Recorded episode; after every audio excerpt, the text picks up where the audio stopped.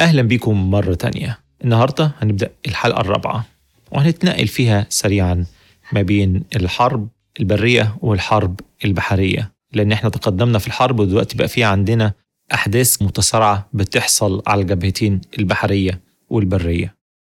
وخلوا بدايتنا تبقى مع أسطول توجو القائد البحري الياباني الكبير.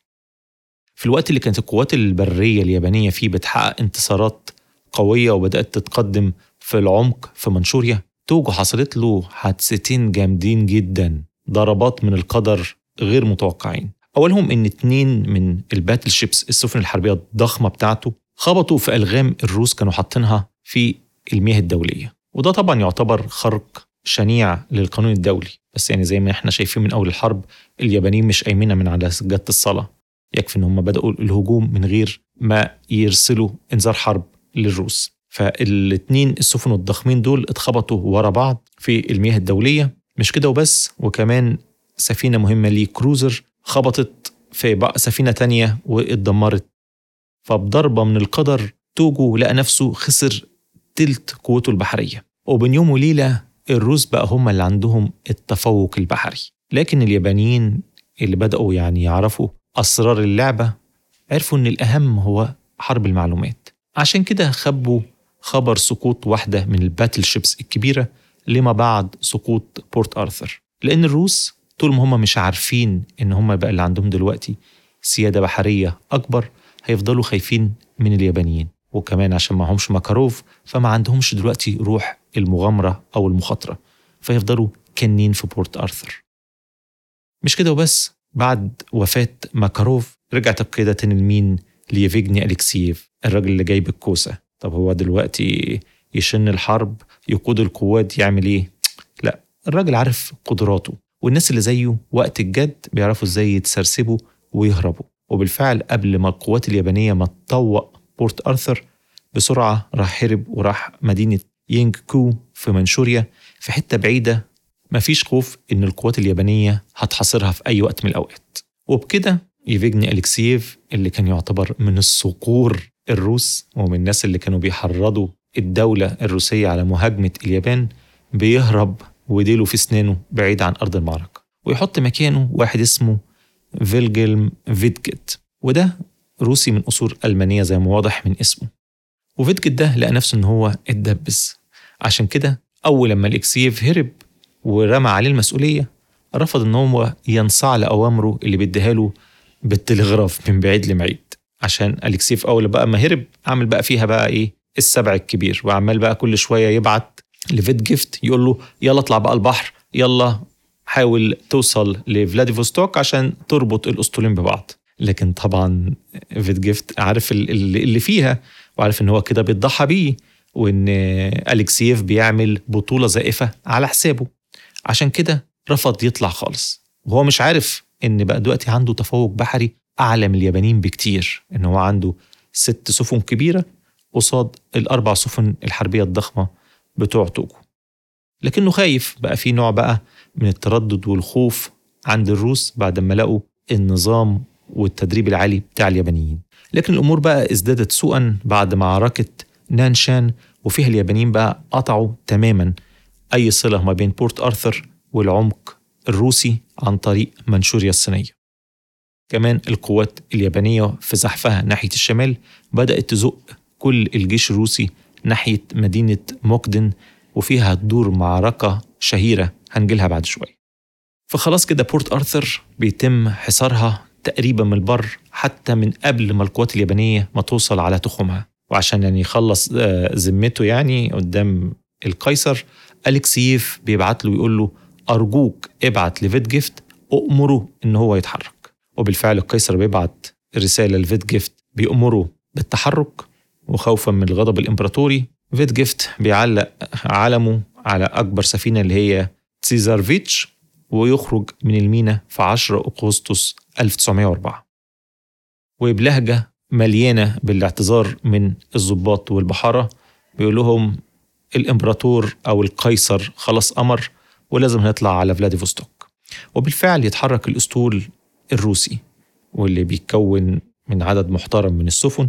ستة سفن ضخمين إضافة ل 14 مدمرة وبعض قوارب الزوارق اللي هي زوارق التوربيدو السريعة. لكن طبعا هم طالعين وهم خايفين. هم طبعا عبارة عن مينا روسي وحيد في وسط محيط غير صديق ليهم.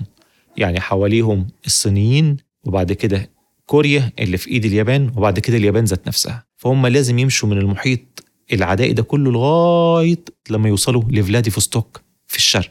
ولو حصل إنهم اتزنقوا في أي مرحلة في الطريق خلاص لو راحوا لأي مينا من الموانئ الغريبة دي هيضطروا إن هم يسلموا نفسهم ويتم القبض عليهم وتجريدهم من سلاحهم ومن سفنهم البحرية القتالية. وده طبعا بحسب القانون الدولي في الوقت ده. ويا دوبك الأسطول البحري الروسي طلع من هنا وتوجو كان على الناحية التانية عند جزيرة كده قاعد مستني لمحهم. وعلى طول بسفنه البريطانية اللي أسرع بدرجة بسيطة عن الأسطول الروسي بدأ يطاردهم على أمل إن هو يسبقهم ويعمل الحركة البحرية الشهيرة بتاعت نيلسون وهي crossing the T سريعا كده إيه فكرة crossing the T إن والله إن الاساطيل وهي بتتحرك بيكون السفينة الأهم بتاعت قائد الأسطول بتبقى في المقدمة وماشي وراها السفن التانية في خط مستقيم. في حركة عملها نيلسون في حرب الطرف الأغر ودي حركة شهيرة جدا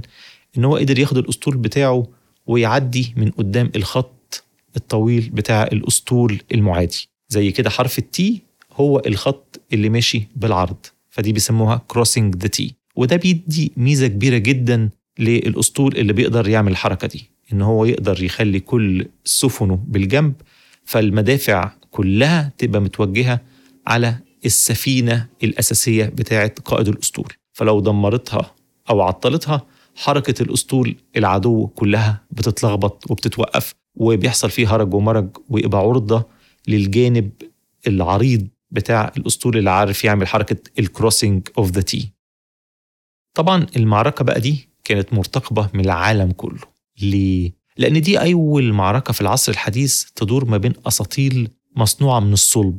يعني أيام نيلسون المعركة بتاعة طرف الأغر اللي كانت في بدايات القرن ال19 كانت لسه سفن معمولة من الخشب. إنما دي بقى سفن كلها من الصلب. عليها مدافع قوية جدا. يعني السفن اللي موجودة ساعتها اليابانية والروسية كان في مثلا مدافع قطرها 12 بوصة. تقدر تبعت قذائف وزنها 850 رطل لمسافة تتجاوز ال 15 ألف ياردة. في حين إن في معركة الترف الأغر اللي كانت قبلها بقرن تقريبا أكبر مدفع في أسطول نيلسون القائد البريطاني الشهير كان وزن المقذوف فيها 68 رطل بس وما بتوصلش لأكتر من 200 ياردة. ففي يعني فرق وتقدم تكنولوجي عظيم وكبير جدا. وأول بقى الأسطول الروسي ما لقى قدامه الأسطول الياباني حصل لهم حالة من الذعر وبدأوا يتحركوا بأسرع سرعة ممكنة. واليابانيين وراهم. دول عاوزين يهربوا بسرعة ويختفوا من نظر اليابانيين. واليابانيين عاوزين يلحقوهم قبل ما يهربوا من قدامهم. دلوقتي واحد ممكن يسأل طب الروس مش عارفين إن عندهم تفوق في القطع البحرية عن اليابانيين فبيهربوا منهم. بس اليابانيين عارفين إن هم قطعهم البحرية أقل من الروس.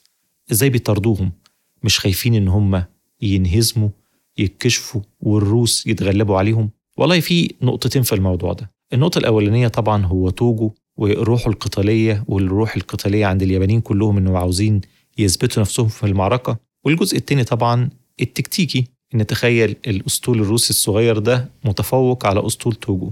ما بالك لو انضم له الأسطول اللي موجود في فلاديفوستوك. ساعتها فعلا الأسطول الروسي هيبقى ضخم وكبير بطريقة أسطول توجو ما يقدرش عليه تماما. هيقضي على أسطول توجو وبعد كده يهدد اليابان نفسها. عشان كده توجو كان لازم يهاجموا في النقطة دي وهم مش عارفين بتفوقهم العددي وفي نفس الوقت خايفين ومتوترين من النجاحات اليابانية المتحققة سواء في البحر قبل كده عن طريق توجو واللي قضت على ماكاروف أو عن طريق المعارك البحرية اللي اليابانيين كانوا متقدمين فيها بقوة. وأخيرا يلتقي الأسطولين وكانت المفاجأة إن الأسطول الروسي اللي الناس كلها بقى يعني كانت شايفاهم عشوائيين كان ضربهم وقصفهم المدفعي درجة دقته عالية جدا تقترب من اليابانيين. بل وإن سفينة توجو اللي هي أهم سفينة في الأسطول وأكبر سفينة في الأسطول الياباني تلقت كمية ضربات عنيفة وصلت لعشرين ضربة صحيحة. واحدة من المقصوفات جت وكانت هتموت توجو ذات نفسه. لكن وقبل المغرب كانت سفينة فيتجيفت ذات نفسه اللي هي تسيزارفيتش اتضربت بمدفعين 12 بوصة ضربتين ورا بعض. والمقصوفات دي بدل ما تبقى مقصوفات بتخترق الدروع لا كانت فيها نوع من الوقود الياباني عاملينه مخصوص متفجر حاجة زي النابالم حاجة اسمها الشيموز ودي بتنفجر انفجار رهيب.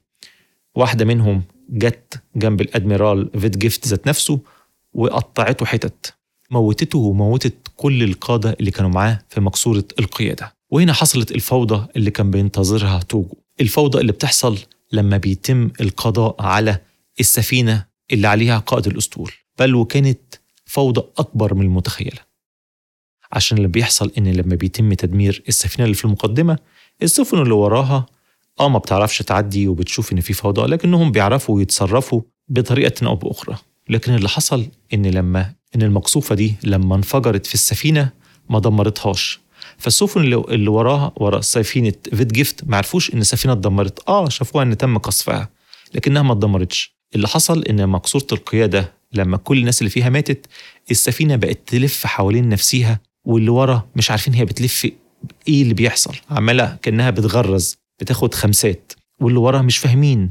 حصلت بقى عشوائية ضخمة جدا. مفيش تواصل مفيش حتى أعلام السيمافور من الناس اللي في المقصورة ماتوا. فمفيش أي نوع من التواصل ما بين سفينة القائد وبقية السفن. فحصلت حالة من الهرج والمرج ضخمة جدا والأسطول الروسي تشتت عن بكرة ابيه خمس سفن حربية كبيرة و cruiser وتسع مدمرات رجعوا تاني جري على بورت أرثر. وأربعة تانيين هربوا على ميناء تسينك تاو الصيني اللي كان تحت سيطرة الألمان في الوقت ده.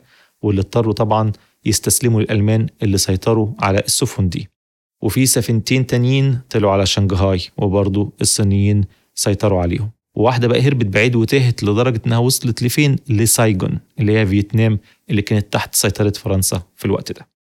ورغم الإنجاز الضخم اللي حققه توجو في اليوم ده اللي إن كان في ناس كتير وجوه اليابان ذات نفسها علقوا عليه. وقالوا إيه ده؟ أنت ليه ما طردتش السفن دي كلها وقضيت عليها؟ ليه سبتهم يهربوا؟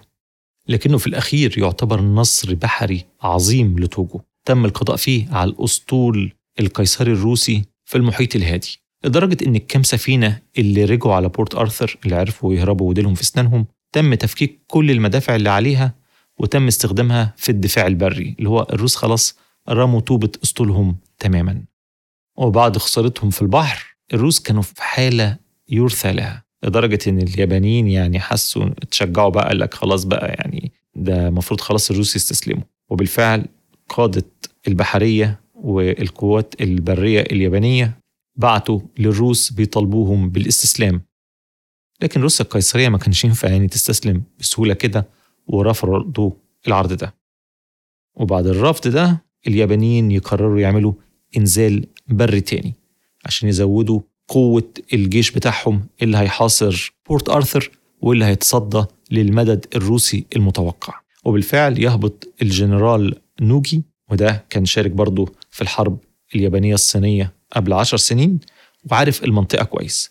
بيعمل إنزال بجيش اسمه الجيش الثالث قوامه 90 ألف جندي. ويبدأ في حصار شبه جزيرة لياو تونج اللي على قمتها ميناء بورت أرثر في حين إن الجيوش الأول والتاني والرابع هيبدأوا يتوجهوا عشان يحصروا الروس عند مدينة موكدن.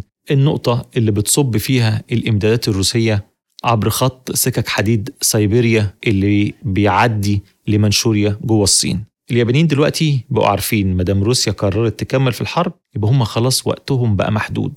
لازم يكسبوا المعركة بسرعة عشان اليابان مهما كانت بلد متوسطة الحجم عدد سكانها معقول تعليمها كويس سلاحها كويس إلا إنها ملهاش قبل بالمخزون البشري والمخزون العداد الضخم بتاع روسيا. واليابان تبدأ تشن هجوم ضخم على بورت أرثر. ويتفاجئوا بالجانب اللي ما من الروس جانب الصلابة والتحمل. وبالفعل والأول مرة اليابانيين خسائرهم في الأرواح بتزيد بأعداد مهولة. لدرجة إن اتنين من أبناء القائد نوجي اللي هو اللي قاد الحصار على بورت أرثر بيموتوا في المعركة ذات نفسها. وفي المعركة دي نبدأ نشوف بعض الأسلحة المميتة الجديدة نشوف تأثيرها على نطاق واسع. يعني مثلا عندنا المدفع الرشاش اللي هو ال Maxim gun وده تم استخدامه في معارك قبل كده. أشهرها استخدمها البريطانيين ساعة غزو السودان اللي هو الغزو المصري البريطاني المشترك في استعادة السودان من المهديين. وساعتها البريطانيين كانوا بيبيدوا آه، جنود جيش المهدي بأعداد مهولة جدا. لكن عشان المنظور الأوروبي بيعتبر إن دول أفارقة همج فما كانش عدد الضحايا الكبير على إيد البريطانيين ليه أهمية. لكن في الحرب دي بقى الفريقين استخدموها واستخدموا كمان المدفعية التقيلة الحديثة. عشان كده كانت أعداد الضحايا مهولة. أعداد البشرية في الوقت ده ما كانتش متعودة عليه. سواء في حصار بورت أرثر وبعد كده في المعركة المفصلية في موكتن. وبرضه كان في استخدام الروس يعني كانوا أول ناس في العالم يستخدموا التليفونات في أرض المعركة. لكن هم أول ناس برضه هيدمروها عشان الجنود الروس من كتر البرد هياخدوا الخشب بتاع خطوط التليفونات ويحرقوه عشان يتدفوا بيه. وقصاد الخسائر البشرية المهولة لليابانيين اضطروا إن هم يطلبوا 16 ألف جندي زيادة عشان يساعدوا في استبدال الضحايا اللي ماتوا بعشرات الآلاف على إيد الروس اللي كانوا متخيلين إن هم خلاص استسلموا أو هيسلموا بسهولة. خلينا نقف هنا النهاردة. يا ريت تعملوا ريفيوهات للحلقات اللي فاتت على المنصات اللي بتسمعوا فيها البودكاست.